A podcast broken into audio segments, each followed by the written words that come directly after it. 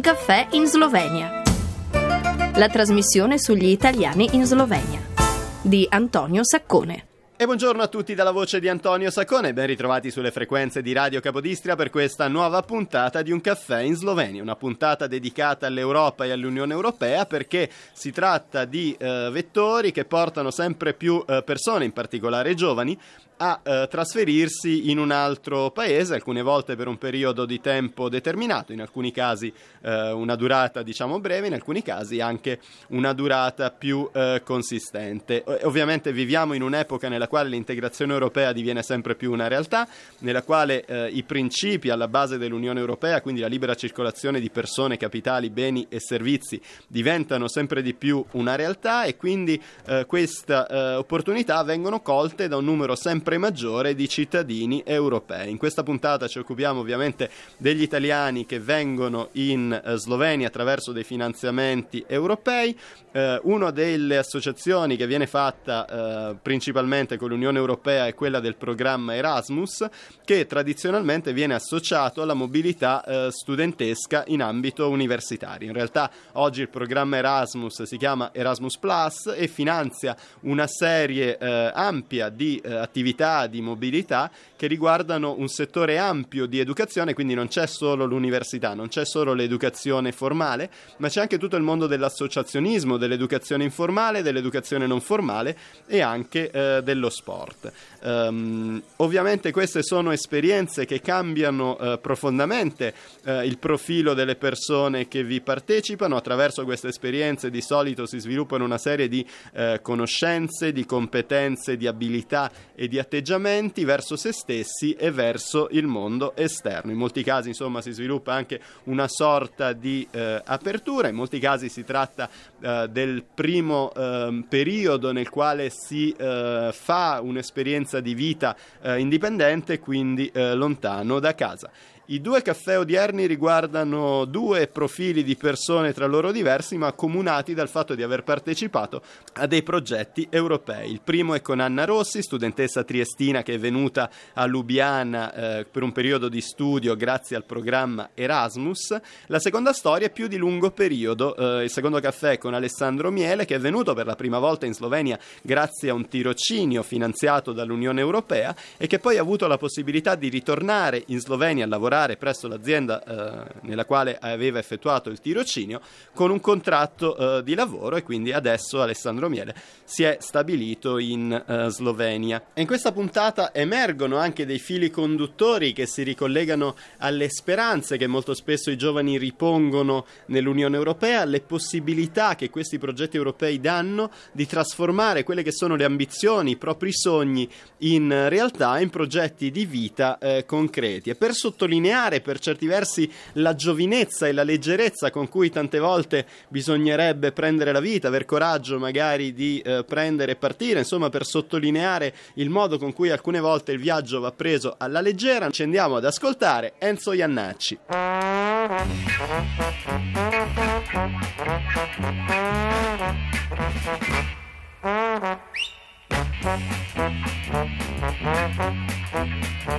Si potrebbe andare tutti quanti allo zoo comunale, vengo anch'io, no tu no, per vedere come stanno le bestie feroci. E gridare aiuto, aiuto, è scappato il leone. E vedere di nascosto l'effetto che fa. Vengo anch'io, no tu no, vengo anch'io, no tu no, vengo anch'io, no tu no, ma perché? Perché no?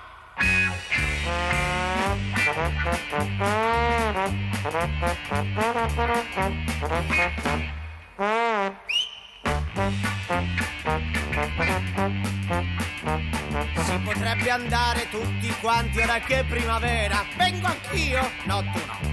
Con la bella sotto braccio a parlare d'amore e scoprire che va sempre a finire che piove e vedere di nascosto l'effetto che fa. Vengo anch'io, no tu no, vengo anch'io, no tu no, vengo anch'io, no tu no. Ma perché? Perché no?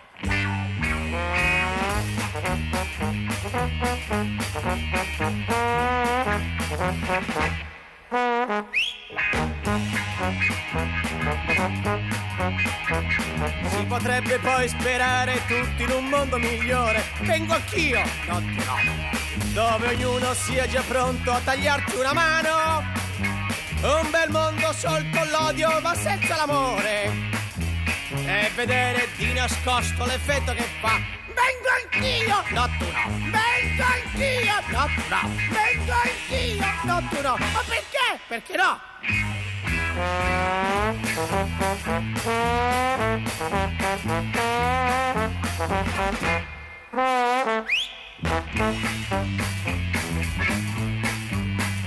Si potrebbe andare tutti quanti al tuo funerale. Vengo anch'io, no no.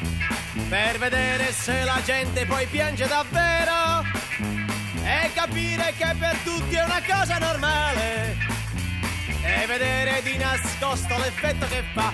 Vengo anch'io, no tu no. Vengo anch'io, no tu no. Vengo anch'io, no tu no. Ma perché? Perché no? Vengo anch'io, no tu no. Vengo anch'io, no tu no. Vengo anch'io, no tu no. Ma perché? Perché no? Vengo anch'io, no tu no. Vengo anch'io, no tu no. Vengo anch'io, no tu no. Ma perché? Perché no? Vengo anch'io,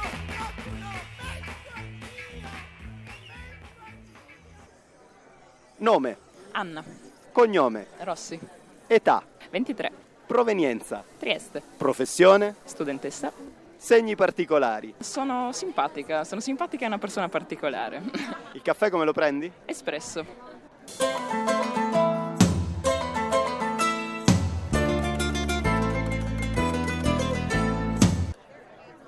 Studio scienze politiche e relazioni internazionali. Qui a Ljubljana sono nella facoltà di scienze sociali, grazie al- all'Erasmus. Sto finendo il decimo mese, con ovviamente degli alti e bassi normali per questo tipo di esperienze, però molto molto bene effettivamente. Come mai hai scelto Lubiana come destinazione? Perché penso che abbia un gran potenziale, sia una gran città. Ti è mancata casa e quanto spesso sei tornata in questo periodo? Non mi è mancata casa perché abitando sempre lì, diciamo che è stata anche un po' una liberazione per me poter iniziare a vivere la mia vita da sola. Però devo dire la verità, sì, sono tornata spesso in alcuni periodi, più che altro per esigenze personali, non per un vero bisogno né di studio né di eh, come dire, mancanza, per diverse esigenze. Però sì, essendo ben collegata non ci sono mai stati problemi, anzi è sempre stato veramente molto facile e in fin dei conti sono molto contenta di aver vissuto un'esperienza come l'Erasmus molto vicina a casa perché in realtà forse non mi è mancato proprio niente proprio perché ogni qualvolta avevo un qualunque bisogno in un'ora e mezza ero a casa quindi sì, eh, l'ho vissuta bene. Quali sono secondo te gli aspetti positivi e negativi di Lubiana e più in generale della Slovenia? Allora, aspetti positivi ci sono mm, beh, una gran presenza di giovani, quindi grandi possibilità offerte ai giovani, possibilità sia di studio che lavorative che in generale di realizzazione personale, mm, dal punto di vista anche associazionistico sportivo. Punti negativi è comunque un nucleo molto piccolo, è un paese che insomma rispetto all'Italia è abbastanza ristretto ecco, in popolazione, territorio, eccetera, quindi un, un piccolo nucleo. Parli sloveno? Eh, no, no. Hai una parola preferita? Qualche parola di sicuro l'avrai imparata in dieci mesi. Eh, sì, hvala, grazie. Durante la vita da Erasmus hai avuto modo di frequentare più giovani o comunque persone slovene o più altri studenti Erasmus, quindi internazionali? Ho conosciuto diversi sloveni qua in Slovenia, ma no, ho frequentato per lo più studenti inter- internazionali, quindi non solo Erasmus, ma in generale studenti provenienti dall'estero qui e studiando qui, qui in Slovenia. Sì. Come ti sei trovata invece all'Università di Lubiana, alla facoltà di Scienze Sociali? Benissimo, devo dire la verità, molto bene, soprattutto perché arrivando dall'Italia c'erano molte cose che non mi piacevano nel metodo universitario e nel metodo soprattutto organizzativo, mentre qua in facoltà mi sono trovata molto bene, sia studiando che dire, con tutti gli uffici, con le segreterie, con i servizi offerti agli studenti. Unica piccola pecca, forse i rapporti tra ehm, colleghi universitari, quindi tra altri studenti che spesso erano difficili eh, se eh, frequentavo delle lezioni, delle classi frequentate prevalentemente da studenti sloveni, perché c'era un po' di difficoltà nel comunicare, nell'entrare in comunicazione, però bene, bene, bene. Molto spesso durante la vita universitaria si ha sia il tempo che l'opportunità di fare altre esperienze che magari poi tornano utili nel corso della vita e che contribuiscono comunque a formare la persona e la personalità. Qui in Slovenia hai avuto opportunità di fare altro al di là dello studio? Sì, nel secondo semestre mi sono avvicinata ad un'associazione chiamata DIH, un'associazione che si occupa prevalentemente della tematica LGBT, quindi ho potuto fare un po' di volontariato per circa due o tre mesi mesi, semplicemente organizzavo qualche evento, partecipavo un po' più attivamente, comunque c'era una gran presenza ecco, fisica. È andata molto bene sono contenta di aver intrapreso anche questa strada, quindi non solo studio, ma anche proprio essere volontaria, fare qualcos'altro, è una sorta di attività prelavorativa che, come dire, può aiutare poi anche nel ragionare, nel capire come funzionano le cose, nell'agire, nel fare attivismo, perché in realtà penso che ci sia bisogno in qualunque paese, anche qui in Europa, anche qui in Slovenia, di queste figure figura, ecco, sì. Fai volontariato anche nel tuo contesto, quindi a Trieste? Non negli ultimi anni, ma diversi anni fa sì, ho fatto volontariato a Trieste. Si chiamava Servizio Civile Solidale. Avevo 17 anni e sì, per un anno ho, fatto volontariato a Trieste. Infatti è stata la mia prima esperienza di volontariato ed è stato fantastico e mi ha fatto avvicinare a, questo mondo e poi ho potuto partecipare anche allo SVE in Germania un paio di anni dopo. Quindi se potessi nel corso della mia vita continuerò, continuerò a farlo spero per sempre, insomma, almeno in parte, come dire, accanto a un percorso sia di studio che lavorativo, qualche ora alla settimana facendo gratuitamente qualcosa che si avvicina a un certo tipo di attivismo è, è una gran cosa che può essere d'aiuto a me e agli altri. Quanto è utile quindi collaborare tra attivisti che abitano in diverse nazioni in un contesto contemporaneo complesso come quello nel quale viviamo? È incredibilmente utile perché abbiamo la possibilità di creare nuovi legami e di costruire fisicamente qualcosa. Non solo un semplice legame tra organizzazioni scritto, non sono solo accordi, ma sono proprio atti, azioni. L'idea di creare collegamenti tra attivisti provenienti da diversi paesi è molto molto importante in questo contesto europeo in cui ci troviamo. E qua anche si può ricollegare proprio il concetto di Erasmus come esperienza all'estero, come esperienza che forma molto le persone, non solo come studio, ma come esperienza di vita. Per i più probabilmente il nome Erasmus riconduce alla mobilità internazionale di studenti, volendo anche di ricercatori e insegnanti. In realtà esiste un programma che si chiama Erasmus Plus che consente di trascorrere dei periodi all'estero per varie ragioni, quindi volontariato, formazione, studio. Quanto è importante, quanto ti ha cambiato l'esperienza all'estero, soprattutto in Slovenia in qualità di studentessa Erasmus? Beh, mi ha cambiato veramente, veramente tanto, tantissimo, però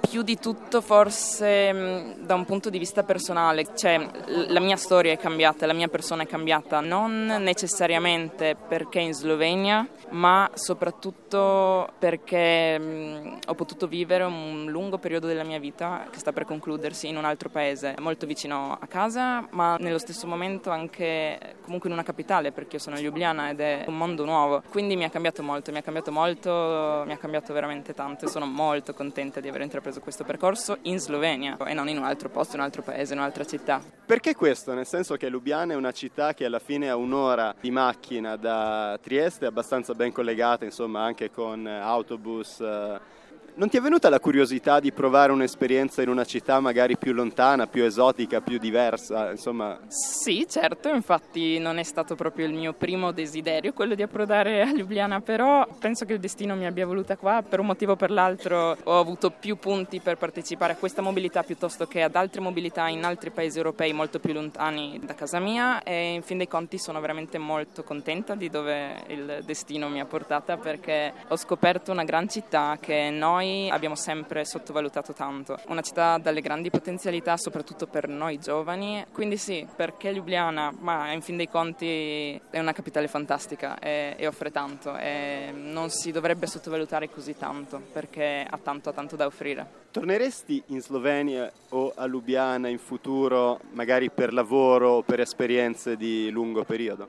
Assolutamente, mm, tornerei molto volentieri, forse non nei prossimi anni, ma semplicemente perché voglio viaggiare molto, voglio viaggiare in tanti altri posti, ma nel momento in cui avrò finito di eh, formarmi, di studiare e avrò già probabilmente provato qualche attività lavorativa seria, ecco Sì, eh, se ci sarà la possibilità e l'occasione tornerò molto volentieri a quel punto in Slovenia, sia per il fatto che è molto vicino a casa, sia per il fatto che probabilmente come mi ha offerto tanto nel corso di quest'anno potrebbe offrirmi altrettanto in un altro momento della mia vita, non solo quindi dal punto di vista di uno studente, di una studentessa, ma lavorativamente parlando, è proprio di espressione personale e di realizzazione personale. Hai un suggerimento per chi dall'Italia vuole trasferirsi in Slovenia per un periodo diciamo medio o lungo, benché magari a tempo determinato come nel tuo caso? Beh, il mio suggerimento è quello di tentare senza paura perché non ne resterete delusi, probabilmente da nessun punto di vista. Uh, ovviamente è una scelta comunque personale, quindi dipende dalla personalità, da cosa si aspettano le persone, ma senza paura Ljubljana è un gran posto, un bel posto e le persone che vi abitano sono belle persone, è stato, è stato fantastico. Il mio consiglio è quello, di, è quello di partire, perché in fondo partire è sempre importante, perché no, perché non farlo e scoprire nuova, un nuovo paese che magari non è poi così conosciuto come tanti altri. Cosa vuoi fare da grande? Ah, bella domanda, mi sto, mi sto, cercando, sto cercando me stessa, quindi ho tante idee molto confuse. Uh, mi piace il mondo dell'attivismo, mi piace il mondo del volontariato, mi piace il mondo della cooperazione, uh, della solidarietà, dell'associazionismo. Chi lo sa, vedremo se l'Europa mi offrirà qualche opportunità, se dovrò cercarmela e crearmela io, ma non lo so, tante tante idee molto confuse, una gran voglia di viaggiare, vivere, scoprire anche me stessa perché mi conosco ma non così tanto bene, non così tanto a fondo ancora da essere sicura di quale sarà il mio percorso, ma neanche tra un anno o due, nel senso figuriamoci tra, tra molti anni, ecco, quindi chi lo sa. Vedi il tuo futuro in Italia? Mm, bella domanda, non lo so, in parte sì, in parte no, probabilmente in questo momento preciso no, assolutamente no. Però chi lo sa, magari dopo tanti anni all'estero forse una gran nostalgia mi colpirà come so eh, che colpisse tanti altri ragazzi, tanti altri avventurieri, quindi perché no, forse dopo un lungo periodo vorrò tornare in Italia, ma perché lo vorrò io e non perché sarà la norma, sarà il giusto, sarà quello che gli altri vogliono da me o il lavoro a riportarmici, sarà perché io voglio vivere di nuovo nel mio paese, non per altri motivi e non in questo momento, no, nonostante io ami il mio paese infinitamente.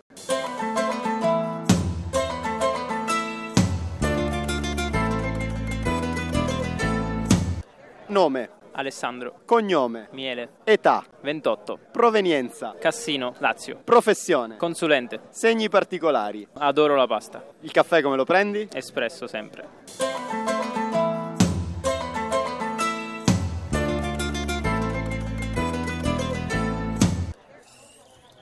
Mi sono laureato sia triennale che magistrale in, uh, prima in economia aziendale e poi in management all'Università di Cassino, che è la città da cui provengo. Ho fatto un'esperienza di Erasmus prima in Olanda, poco dopo sono venuto in Slovenia circa tre anni e mezzo fa per la prima volta tramite un progetto della Regione Lazio finanziato con fondi europei che si chiama Torno Subito. Sono venuto a fare un tirocinio in Slovenia presso questa azienda di consulenza per la quale adesso ancora lavoro. Siamo consulenti uh, esterni per i Balcani per alcune fiere italiane ho finito il periodo di tirocinio, ho deciso di, di, ritornare nella regione Lazio per terminare questo progetto, continuando facendo un altro tirocinio appunto nella regione Lazio, in particolare a Frosinone. Poi al termine di questo tirocinio mi sono reso conto che non volevo più restare dove stavo, non volevo più restare a casa e che Lub- mi sono reso conto che a Lubiana stavo bene. Quindi semplicemente ho ricevuto la proposta di, di tornare in Slovenia, nella stessa azienda dove ero stato e l'ho colta subito al volo. Quindi appena un mese dopo che mi è stata fatta questa proposta sono ritornato immediatamente a Lubiana. Da un anno e mezzo circa che sono qui in Slovenia adesso. E al momento sto benissimo a Lubiana, mi trovo molto bene in Slovenia. Ho la possibilità di fare più o meno quello che voglio, diciamo, nella vita privata, questo grazie appunto alle possibilità lavorative che ho. Sono contento, credo che resterò ancora almeno per qualche anno, ma chissà, magari anche per più tempo. Come ti trovi con gli sloveni, quindi colleghi, vicini di casa, magari partner di, di lavoro? Diciamo che con gli sloveni non ho tantissimo rapporto se non uh, con uh, i miei coinquilini perché vivo con altri tre sloveni e con i miei colleghi di lavoro. Eh, siamo un'azienda piccolina, siamo soltanto in quattro di cui due italiani e due sloveni. In ufficio con i miei colleghi mi trovo benissimo, c'è un rapporto ottimo di stima reciproca e di ottima collaborazione, con i coinquilini anche c'è un bel rapporto. Per quanto riguarda la vita privata al di fuori della casa e del lavoro non ho troppi contatti con gli sloveni, però questa cosa diciamo penso che andrà a migliorare con il tempo probabilmente. La maggioranza dei miei amici sono italiani, qualcuno francese, diciamo che tendenzialmente non sloveni, i miei amici più stretti. Come va con la lingua? Ah, con la lingua ancora molto male, conosco giusto qualche parola, ho fatto un corso alla facoltà di filosofia, ma al termine del corso diciamo che ho perso un po' di motivazioni perché la fortuna è che a Lubiana parlano quasi tutti inglese quindi non ho tutta questa necessità di impararlo per il momento, però è un obiettivo a breve termine, è il prossimo obiettivo per il futuro.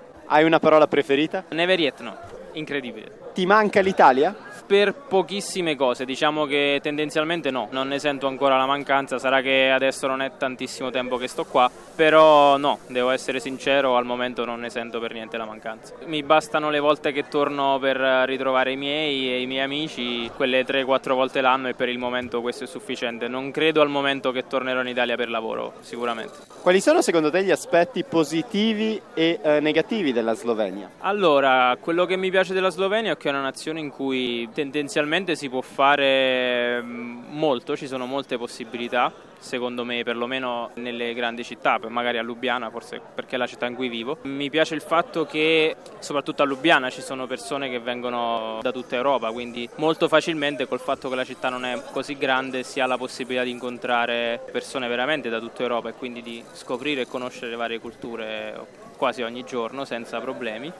Una cosa che per certi versi è positiva e per altri no, che c'è molto rispetto della privacy in Slovenia, che è una cosa che in Italia non eh, sempre c'è. E aspetti negativi, diciamo che venendo dal sud, forse in alcuni casi c'è un po' troppa diffidenza oppure c'è magari un po' di difficoltà nell'entrare in stretti rapporti con gli sloveni. Ecco, questa forse è la difficoltà maggiore che ho riscontrato. Forse in alcuni casi non molto spesso, ma in alcuni casi una certa rigidità dal punto di vista, mm, come posso dire, della mentalità in alcuni casi, ma fortunatamente succede poche volte.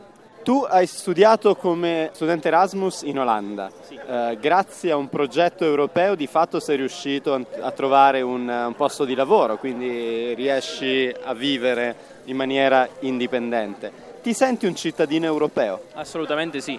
Sì, mi sento assolutamente un cittadino europeo. Io ritengo che l'Unione Europea mi abbia dato, almeno personalmente, la possibilità adesso di avere un lavoro effettivo e anche prima di avere questo lavoro mi ha dato altro, altre possibilità che non avrei avuto se non fosse stato per la possibilità di usufruire di finanziamenti europei. Quindi senza dubbio mi sento un cittadino europeo e da cittadino europeo cerco di scoprirla anche il più possibile in ogni momento che ho libero. Quindi la cosa che più mi piace di questo questo e che dà la possibilità appunto di sentirsi tutti parte dello stesso posto, ecco, mettiamola così. Secondo me effettivamente di queste possibilità che vengono date, soprattutto ai giovani, se ne parla poco, perlomeno se ne parla meno di quanto si dovrebbe. Conosco molte persone che hanno avuto tantissime possibilità in più grazie ai finanziamenti forniti dall'Unione Europea e tante persone hanno cambiato totalmente la loro vita. Persone che erano rimaste bloccate per anni in Italia, immobili perché non riuscivano a trovare nessuna via di di fuga o non riuscivano a trovare nessuna possibilità dal punto di vista non solo lavorativo ma anche personale. effettivamente per quella che è la mia esperienza e per quelle che sono le cose che ho visto, le persone che conosco, grazie all'Unione Europea e grazie ai finanziamenti che ci sono e che ci sono stati, senza dubbio sono migliorate tante cose. Hai un suggerimento per uh, chi vuole trasferirsi in Slovenia? Ma allora, la prima cosa che mi sento di dire è di prima di tutto venire in Slovenia per un periodo di tempo molto breve all'inizio in modo tale da scoprire esattamente com'è, perché molte persone magari si aspettano di trovare cose che poi in realtà non trovano. Quindi secondo me la cosa migliore è quella di venire in Slovenia per eh, qualche settimana, magari un mese, per capire bene quello che è la Slovenia, per conoscere la cultura, per conoscere le usanze delle persone e la mentalità. E dopodiché fare una bella analisi dei pro e dei contro e capire se può essere la, il paese giusto per, per ognuno di essi. Mentre invece per chi magari ha la tua età e vive in Italia, magari nel meridione o in alcune aree che sono magari eh, non così floride dal punto di vista economico, Ti senti di suggerire di fare un'esperienza all'estero? Assolutamente sì, è la cosa che io consiglio a tutte le persone che conosco, soprattutto a quelle più giovani di me. Come dico sempre, la mia prima esperienza all'estero ha cambiato totalmente la mia vita, ha cambiato totalmente la mia visione del mondo e del lavoro e delle aspirazioni personali. Senza dubbio mm, lo consiglio a tutti. Qualunque tipo di esperienza all'estero, qualunque essa sia, che sia volontariato, che sia lavoro, che sia studio, una qualunque esperienza all'estero perché secondo me apre veramente la mente, è fondamentale per la crescita non solo personale ma anche lavorativa. Molto spesso quando si fa un'esperienza all'estero si cresce sia dal punto di vista personale che dal punto di vista dello sviluppo di competenze, abilità, capacità, si migliora il proprio profilo anche professionale. Credi che sia possibile mettere a frutto questo sviluppo anche sul proprio territorio una volta tornati a casa? Credo di sì, chiaramente dipende dalla tipologia di esperienze che si fanno fuori, però il problema è che molto spesso queste uh, opportunità devono essere date. Questo è il problema che spesso avviene in Italia perlomeno da quella che è la mia esperienza e da quel che so nella mia breve carriera lavorativa. Però sì, ci sono anche tanti casi di, di persone che sono state all'estero per diversi anni, hanno acquisito tante conoscenze e competenze che in Italia non avrebbero acquisito probabilmente, riportate in Italia sono riusciti ad avere poi uh, successo nel loro ambito lavorativo.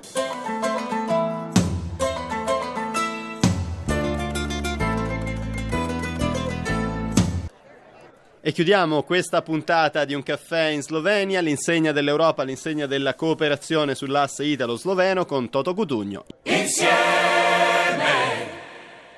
unite, unite, Europe.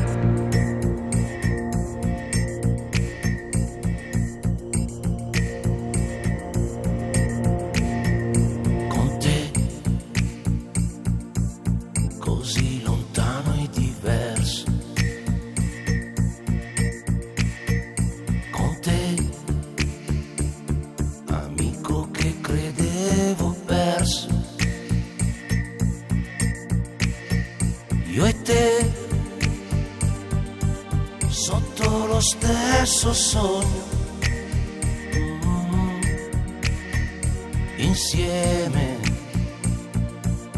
Unite, unite, Europe.